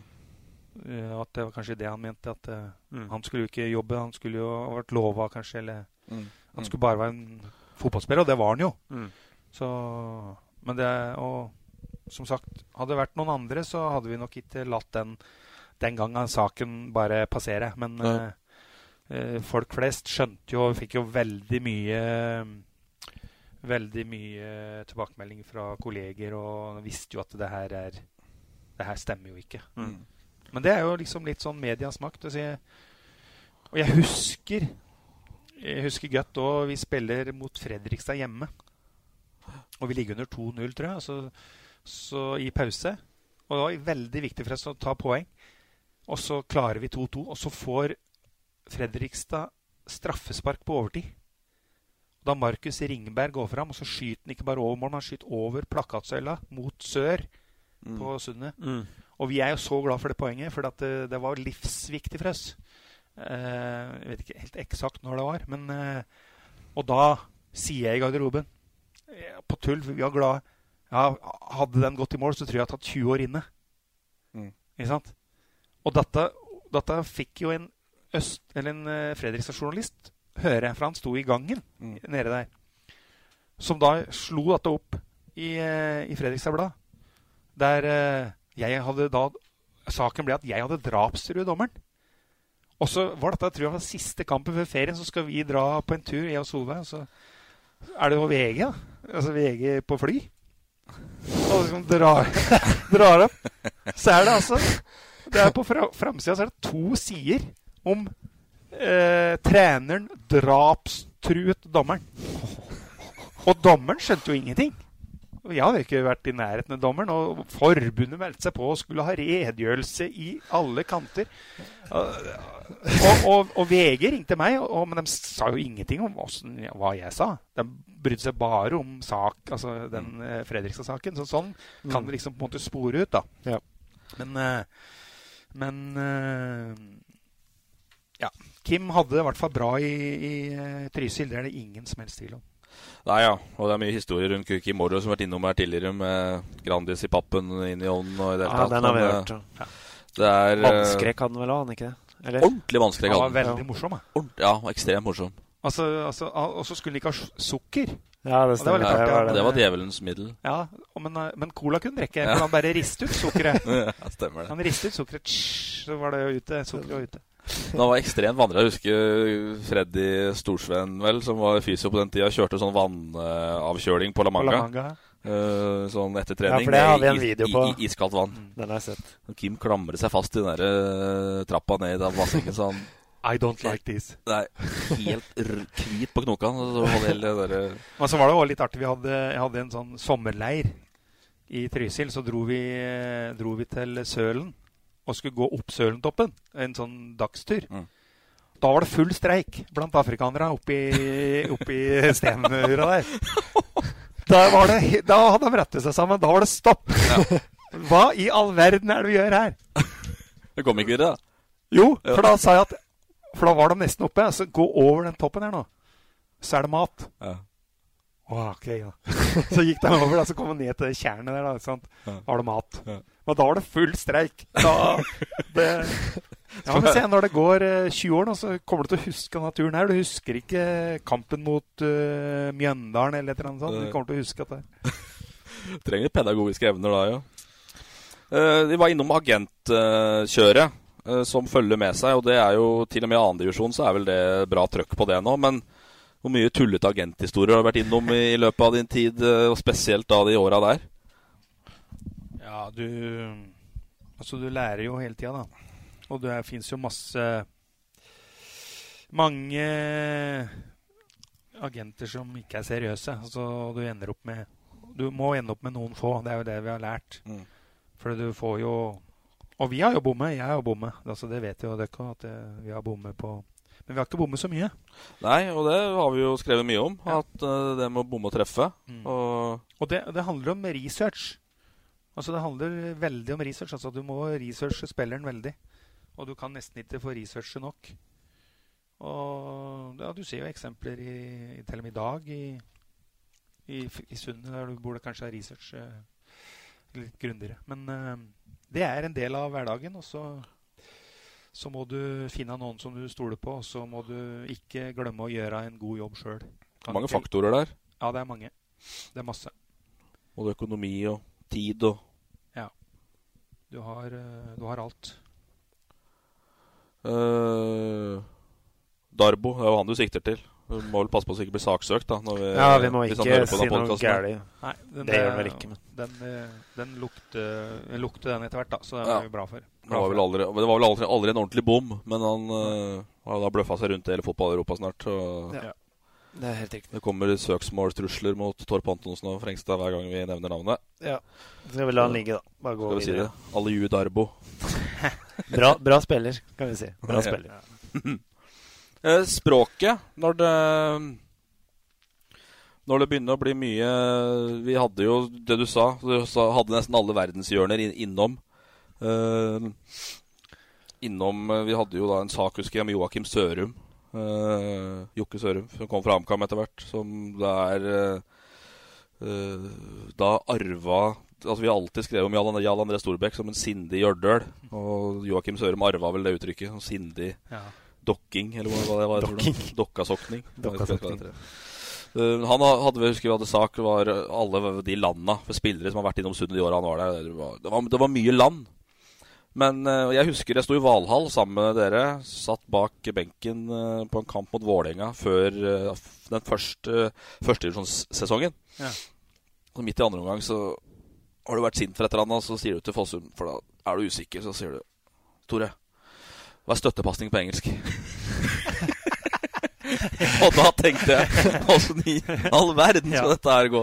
Nei, og de, altså Engelsk er én ting, altså, men det gikk jo Vi fant jo fort ut, eller jeg fant fort ut, at uh, vi kan ikke ha noe andre språk enn engelsk. Nei. Jeg vet at Stig Inge skulle hjelpe oss med en spiller, uh, en brasilianer, som vi fikk opp. Da, men da skulle det løses med at det skulle løpes en tolk på sida. Og den skulle da prøve å sant, På, på tørrbærsk dialekt og blanding av engelsk skulle da formidle det til en som prater portugisisk. Det kunne jo ikke gå. ikke sant? Ja, For du henta han? Nei. nei, nei. Han var bare på prøve, men ja, for, det kunne ikke gå. Ja, For du hadde jo en brasilianer en periode òg? Jo, jeg, Hadde de det? Ja, ja, men i hvert fall, han her var på prøve, og det ble jo ikke noe ut av det. For det, jeg husker veldig godt at uh, Stig Inge skulle hjelpe oss med en spiller som var jævlig god. I, uh, mm. Men det, det, det, funker ikke. Altså, det, det, det, funker ikke, altså. Men er du stødig i engelsk? Nei. Det er jo ikke. Er du ikke? Nei. Jeg kan ikke si at jeg er stødig i engelsk. Så det er jo det er jo en del artige episoder med min engelsk, da. Men uh, de skjønner jo det. Hva er, et, hva er, et, people train, da? Hva er et people train? Nei, det spør så vanskelig. Spørre så vanskelig. Hva er den storyen, da? Nei, for Det ryktes at du skulle fortelle Det var etter en kamp 15. eller 16. mai og skulle fortelle at alle skal møte opp for å gå i 17. mai-tog i Trysil. Og da måtte du forklare, måtte forklare hva, hva, greia med 17. mai-tog er. Og da kalte du at det er en people train. ja, men jeg har hatt så mye De holder på å flire her seg, da. så det er litt sånn det er litt show òg, da. Det må være litt show og leing. Det kan ikke bare være alvor. Forfengelige spillere, hva syns du om dem? da? Vi kan jo bare peke på Rølsåsen med en gang, da. Men uh, øredobbel, er det greit? Nei, ja, altså De får jo Det er den gamle skolen. Ja, det blir jo litt sånn, da. Men uh, stiller opp med hansker og 'Gud hjelpe meg'. Altså, de får prestere på banen, da. Jeg er opptatt av det. De får ja. prestere i trening og kamp, så kan de ha på seg hva de vil for meg, men de må begynne der. Ikke bygge image, som vi ser. Det, Før det er noe å bygge, der? Ja, du må på en måte ha noe å bygge på. Mm. Så jeg tenker ikke på Ole Jørgen spesielt nå, men uh, sånn ja. generelt. Men han tåler å høre det? Ja, det gjør det. det men ja, vi har jo hatt Han, han er helt klar på det sjøl, at han har fått mye tyn for disse øredobba sine. Ja. Han er ute nå, eller? Ja, jo, jo. Det var, det var litt sånn ja. To Sambeløkken har fryktelig blings. Han var så gæren jo det, da. ja da, det Men det er slik altså, Som trener så må du Du må jo ta i noen ganger, da. Ja, må litt sånn Ferguson-variant noen ganger. Har du kasta mye veggimellom i garderoben der? Nei, det har ikke gjort det mange ganger, men jeg, jeg husker jo én gang. Den var stygg. Den var ordentlig stygg, for det var, gikk jo utover kleiven. Og det For da, det, da, da kaster jeg ting. Da kaster jeg noe i Jeg kaster en flaske, eller hva det var, eh, i gulvet. I, i garderoben. Og den tuten, da, den der korken der, den gikk jo selvsagt rett, i, rett over øyenbryna på Kleiven. Og så at ikke det sprakk. Det, det, var jo, det var jo helt utrolig. Og, men det er jo det er jo det nærmeste jeg har kommet med Varianten, ja. Men så har jeg, jeg, har vært, noe sint noen ganger. Men jeg, det, folk tror nok at jeg har vært mer sint enn egentlig jeg var. Eller har vært. Mm. Men noen ganger må, må du Noen ganger må du faktisk ta en, ta en justering. Og når det funker, da, da har du på en måte hatt gevinst. Ja. Og jeg har jo vært Jeg husker en cupkamp mot Wang Vang, der ikke Vang fikk sagt noe som helst i pausa, sa han etterpå, for de hadde jo bare hørt meg. Ullkisa en gang i pausa der. Altså, jeg var så sint, altså. at Men det, vi eh, Alle gangene så fikk vi betalt. Ja, for, for du På Jessheim stadion. Ja. For du har pleid å få gjennom Mm. Du har pleid å få gjennom uh, budskapet ditt sjøl om det er helt Sjøl om det er ordentlig sint. Altså, jeg husker Nordli pausa på den Fredrikstad-kampen da Start kjempa om gull. Og kalte det mongoheads og alt som var. Når du gjennom med det, liksom? Nei, men jeg er jo ikke jeg, jeg, sånn, Sånne uttrykk har jeg aldri. Mm. Føler jeg at jeg har hatt. Jeg er mer sånn mer, Kan du kalle det saklig sint, da? Mm. Eller på en måte. Mm. Jeg kaller jo ikke opp noen, eller Nei, Han kalte dem vel ikke mongoheads, men han sa de så ut som de løp rundt Nei. der som elleve Nei, jeg er mer, mer forbanna på, liksom, på prestasjonen. Mm.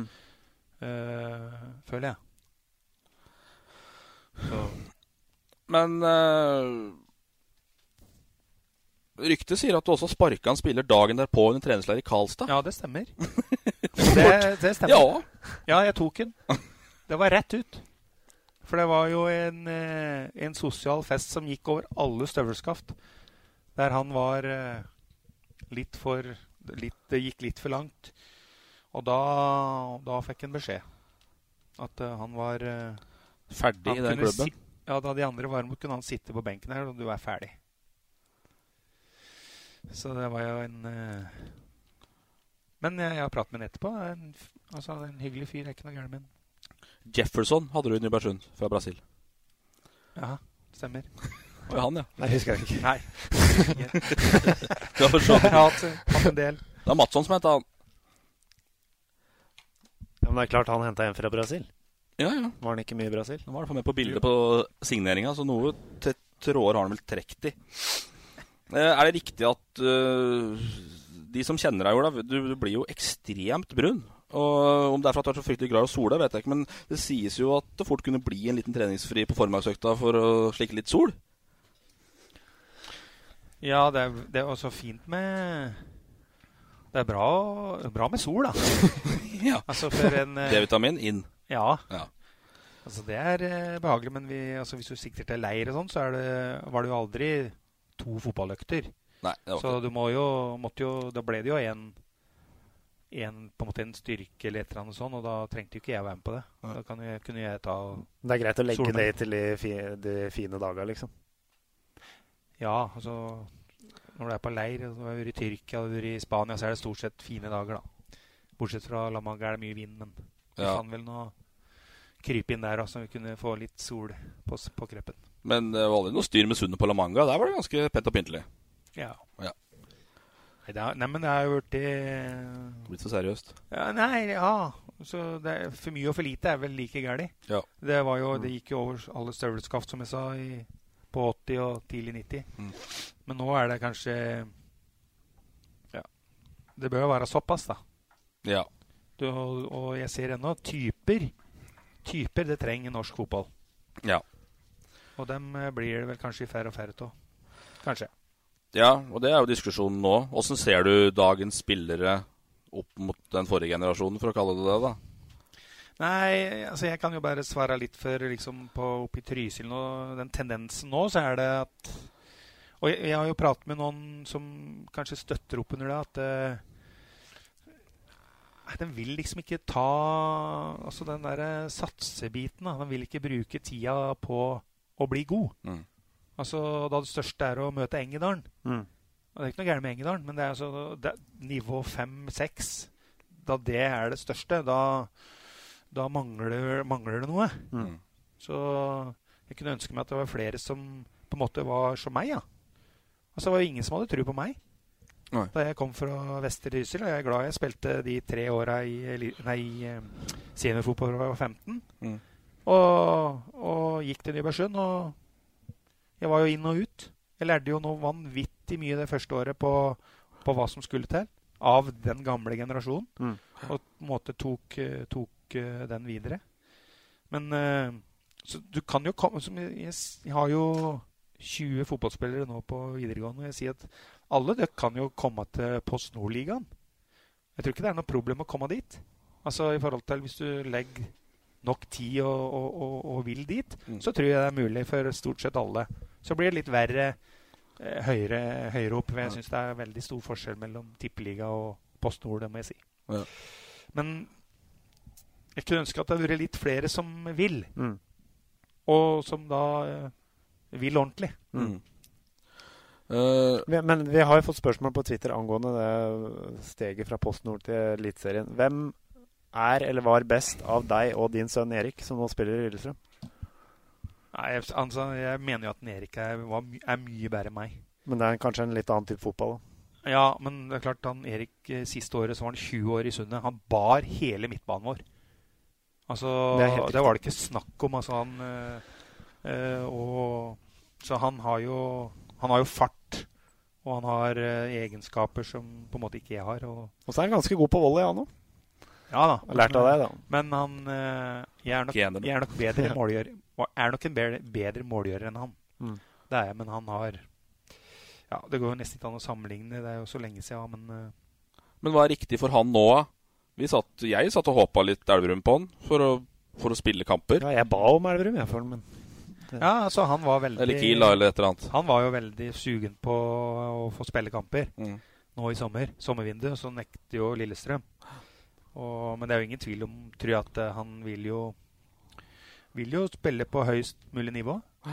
Og, og som jeg sier, altså det er ingen krise. Det er så, det er, det er så, for mange så er det så stor krise hvis du ikke på en måte får spilt nok når du er 20 år. Eller når du er 22, for den delen. Men altså, jeg var 26 jeg gikk til HamKam. Mm. Altså, Karriera er jo, er jo er jo bare i startgropa, og så er det helt 22 nå? panikk. Hæ? Han er 22 nå? Ja, han, blir jo, han er vel 23. Ja.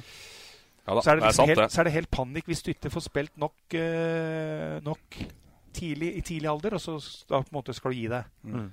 Så jeg mener tålmodighet. Ta steg for steg. Men så får en se nå. Nå får vi se hva som skjer, da. Altså, Nå går kontrakta ut òg, nå. ja, og så han har jo en Jeg er jo ikke jeg som er agent, det er noen som tror det, da, men jeg, jeg, er jo ikke, jeg er jo ikke det.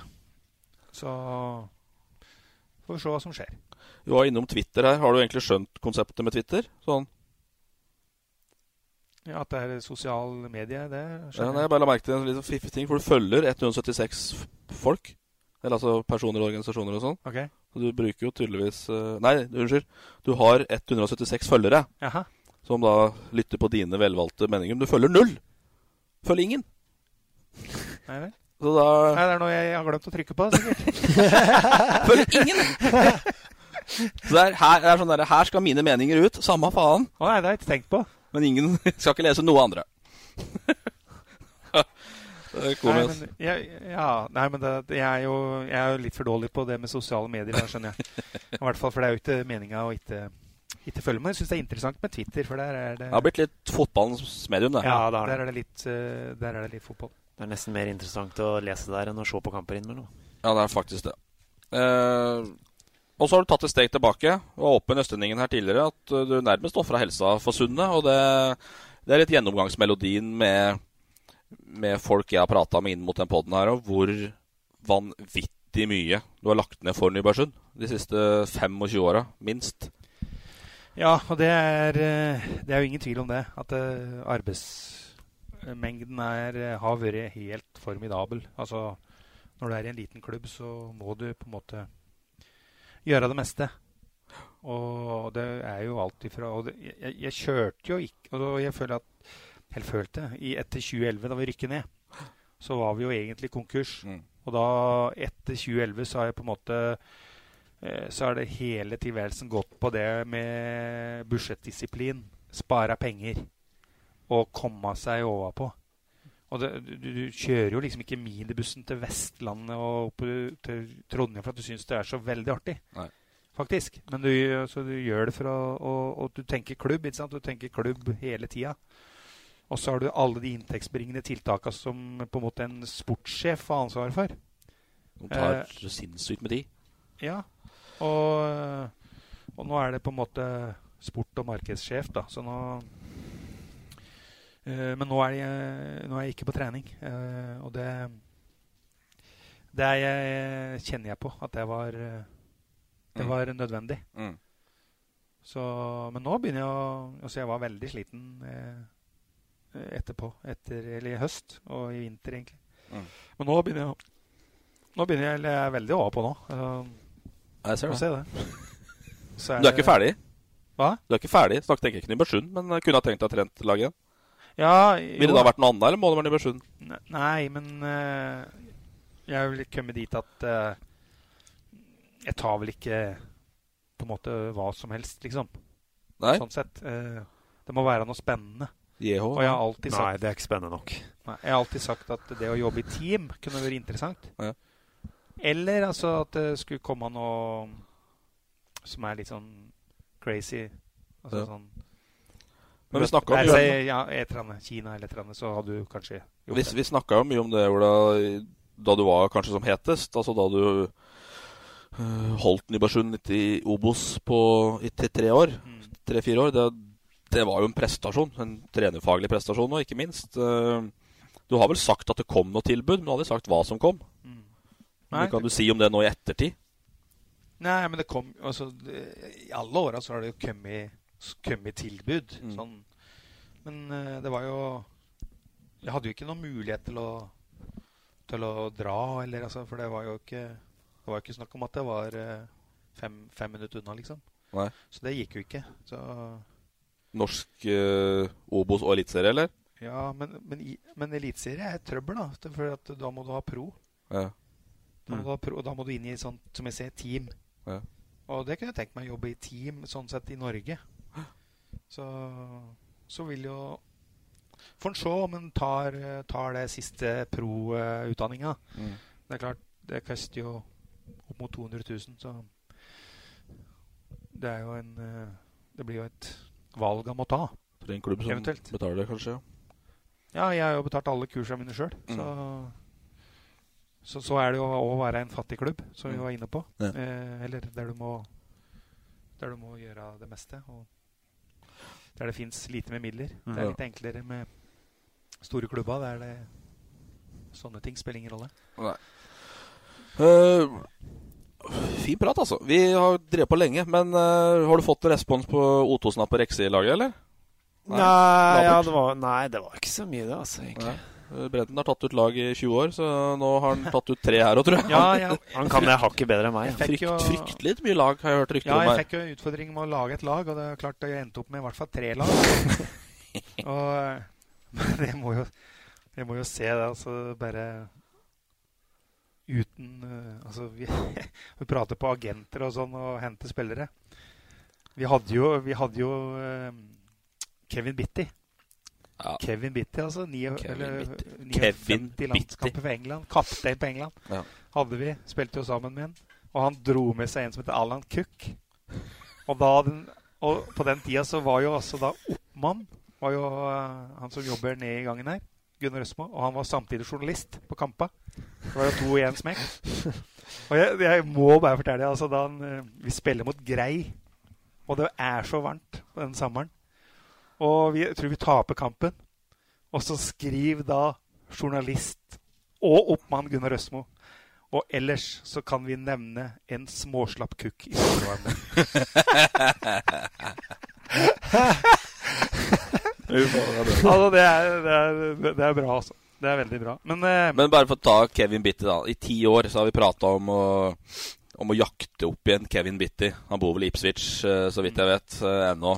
Uh, I 1970 et eller annet kåra til FA Young Player of the Year. var det største talentet på de britiske øyene på den tida der. satt ut av skade, da. Og det er jo en vanvittig historie. Ryktene sier at han ble bytta bort fra Nybergsund til Engerdal mot Jon Nygaard. Er det riktig? Ja, nei, Det kan godt stemme. For at, uh, Han var jo så mye skada. Han, han, var jo egentlig ferdig. ikke sant? Ja. Men Kevin var jo en, det var jo en kjempekar. Og for øvrig, Han ville jo at jeg skulle dra til Ipswich den gangen. Og det var litt dumt at de ikke gjorde det, kanskje. Så hvis du har ja, så hvis, så hvis, hvis, du har litt tid på YouTube og Google, eh, søk opp Kevin Bitty og les litt. Eh, det ligger bl.a. et klipp på YouTube der Ron Atkinson forteller om uh, har ikke sett verre talent noen gang. Han jobber jo som eh, bartender da, på Trysil uh, gjestegård den gangen. Ja. Og den gikk jo konkurs, og det var jo ikke så rart. For at uh, Snakk om boken han slo jo Altså, det var jo store mjølkeglass med whisky, ikke sant? Kompis. Det var ikke 0-4. Det var helt opp. Så det kunne jo ikke gå. Så, men eh, Kevin er i live. vi trodde han var død i mange år. Ja. Og så plutselig så var han kommet fram igjen i lyset. Så han Og vi har òg pratet om å dra, men det spørs om det blir noe tå. Yes, skal vi begynne ja. med Du kan godt få dra alle tre lagene hvis du vil det. Ja, jeg kan, jeg kan jo ta et fors... Altså, det er jo så mange spillere. Så jeg, altså, et lag bare av utlendinger, f.eks. Så kan vi jo ta eh, Vi hadde jo en keeper, Mitrovic. En oh, fantastisk Gud, spiller. Eh, Radulovic på høyre back. Han fikk jeg faktisk melding til nå for noen uker siden. Var, han var ordentlig blid, han. Hele tida. Ja. Og, men uh, han ville tilbake, på en måte. Nå? Ja. Oh. Han var i hvert fall klar. Men det var jo en klassespiller.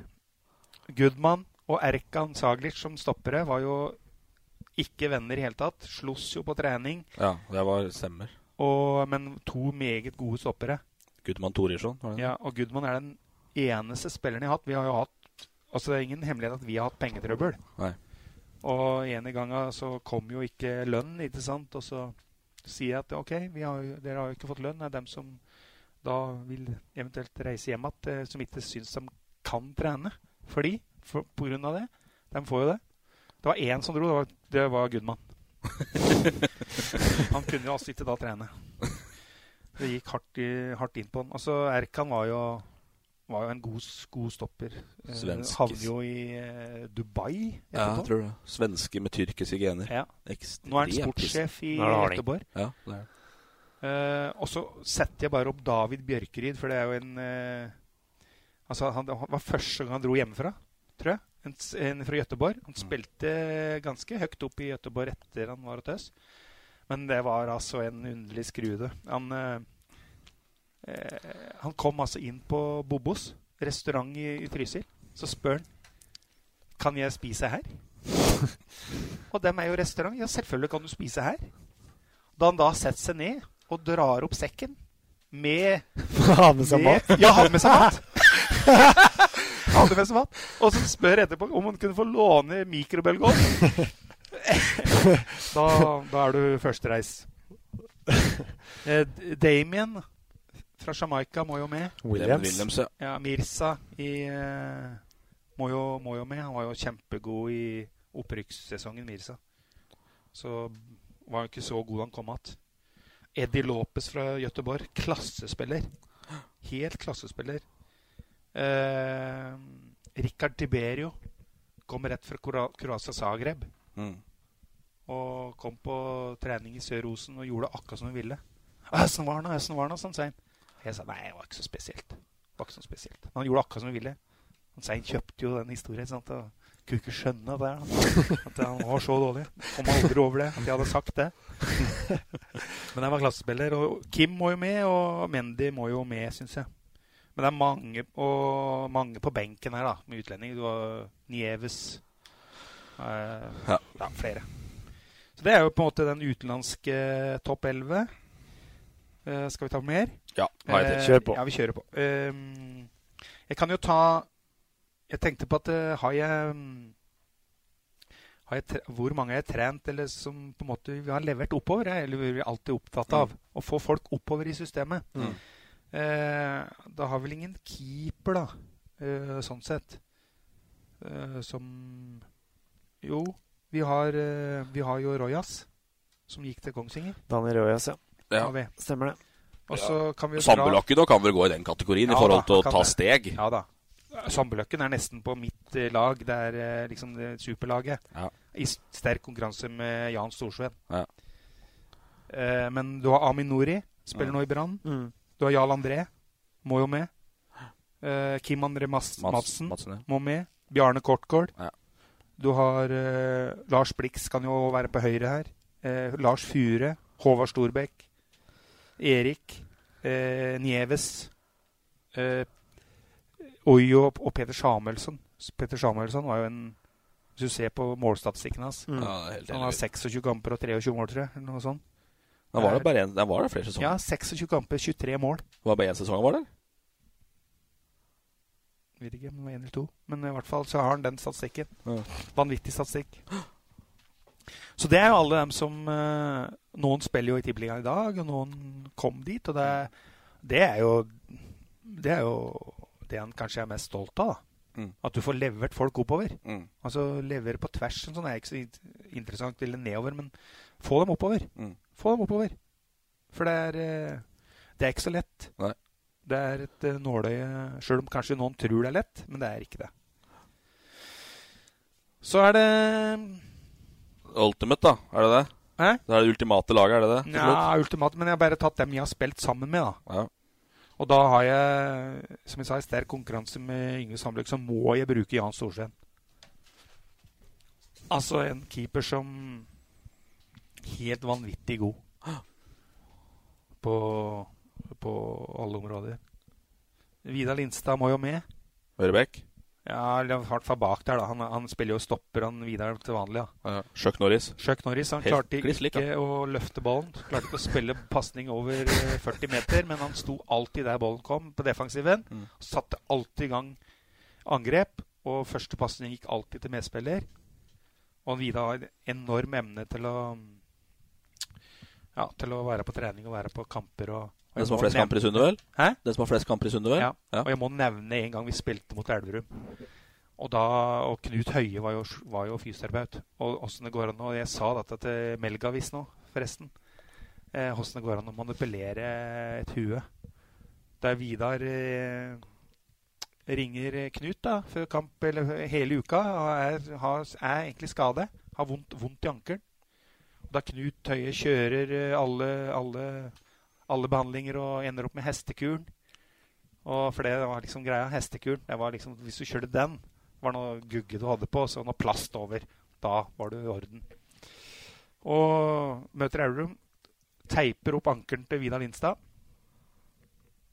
Vidar spiller hele første omgang, og så i pausa Faen, nei, jeg tror jaggu jeg må ut, jeg, sånn. Og han måtte ut. Måtte jo bytte den. Og da så drar han og sjekker, og da har han spilt med brudd. Han spilte med et brudd i ankelen. Så det er fullt mulig. Deipop spilte med brudd i ankelen. Det kan jo folk prøve. Det går jo ikke. spille i hvert fall én omgang.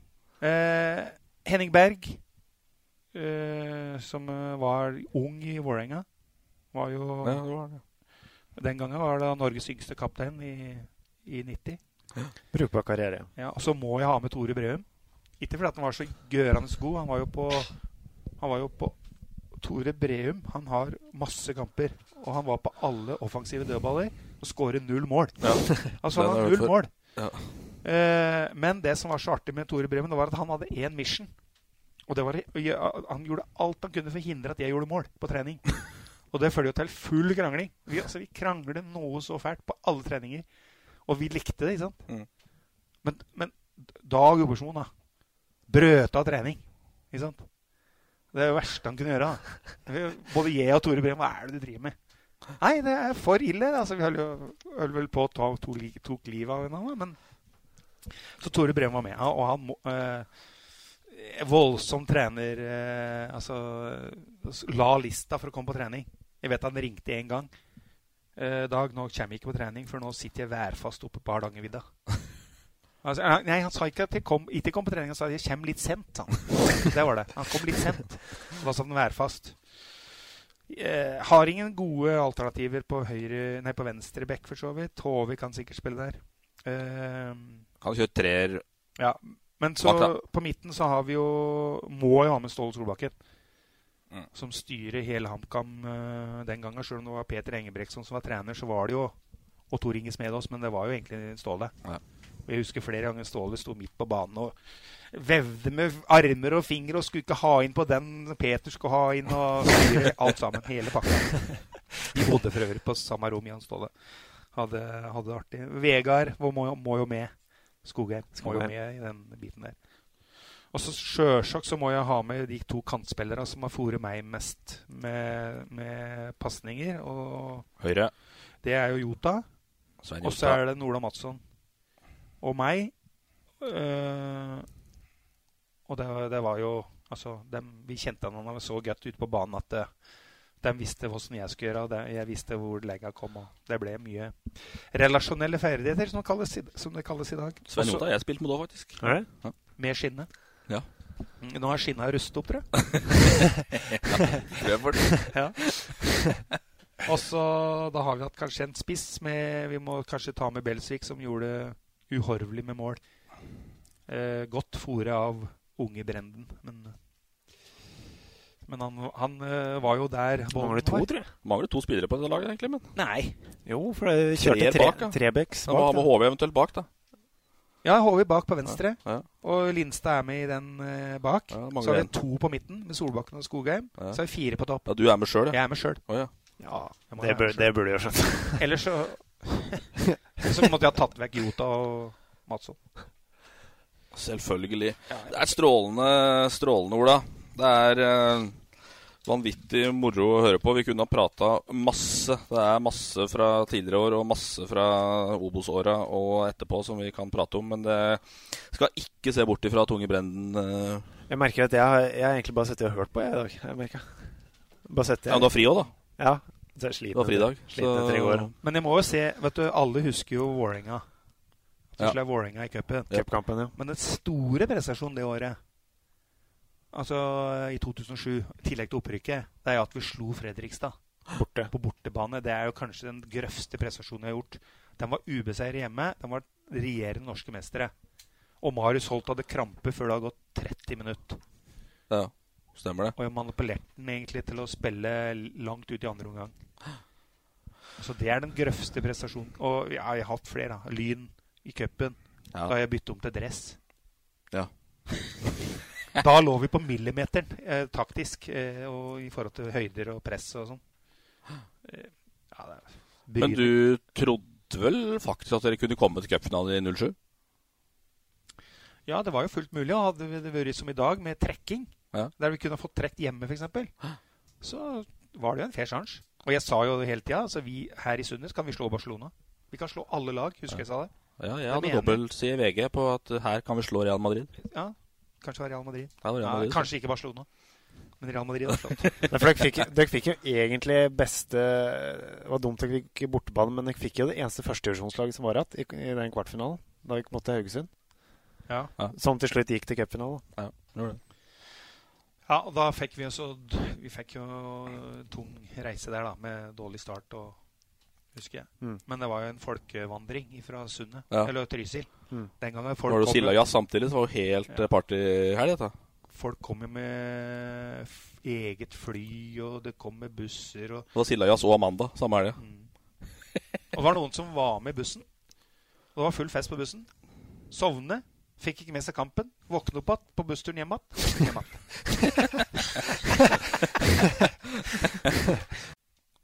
Ja, den var ny. Der eh, gikk vi batteritom på recorderen, og Ola Brenden måtte dra. Så den Han har eh, 40 minutter på seg å komme seg til Trysil. Ja, Han har lært av Schomaker, så han får bare dra oppover til Trysil. Vi eh, skal bare egentlig inn igjen med nye batterier vi får takke for følget.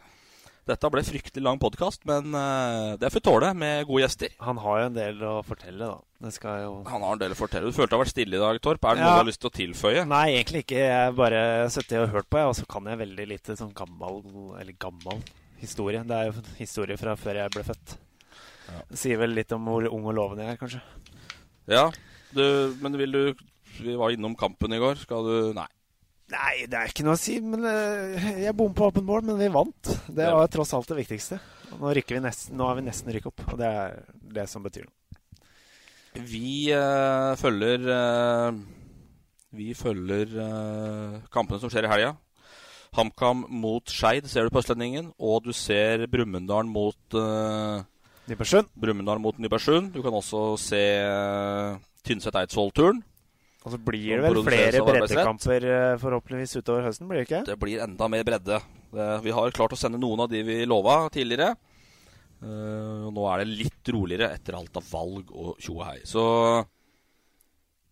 god helg. God helg. Nyt. Se ball. Og vær sterk og klar til mandag. Lytt på oss. Og abonner i iTunes. Det må vi minne om hele tida. Gjør det, gjør det, gjør det. Da får du varsel hver gang vi har en ny. Så bra. Ha det. Da er vi fornøyd. Ha det. Fotball på Østlendingen blir brakt til deg av Eidsiva og Sparebanken Hedmark. Vi er klare, veldig klare. Bra oppvarming, og så, så skal det smelle. Vi gleder oss til match. Tør også på henda. Den går i mål! Seriøst skyter via har bein, og så går den i mål! Legger mot Kvartan Nordli, som skårer. Og den går i tverrlegger! Og så kommer han opp, og så går den like utenfor. Høyt sitter. Godt skudd, og den går i mål! Her er ballen tre, Lindgren i mål! For Nybergsen! Fire minutter på overtid, skårer!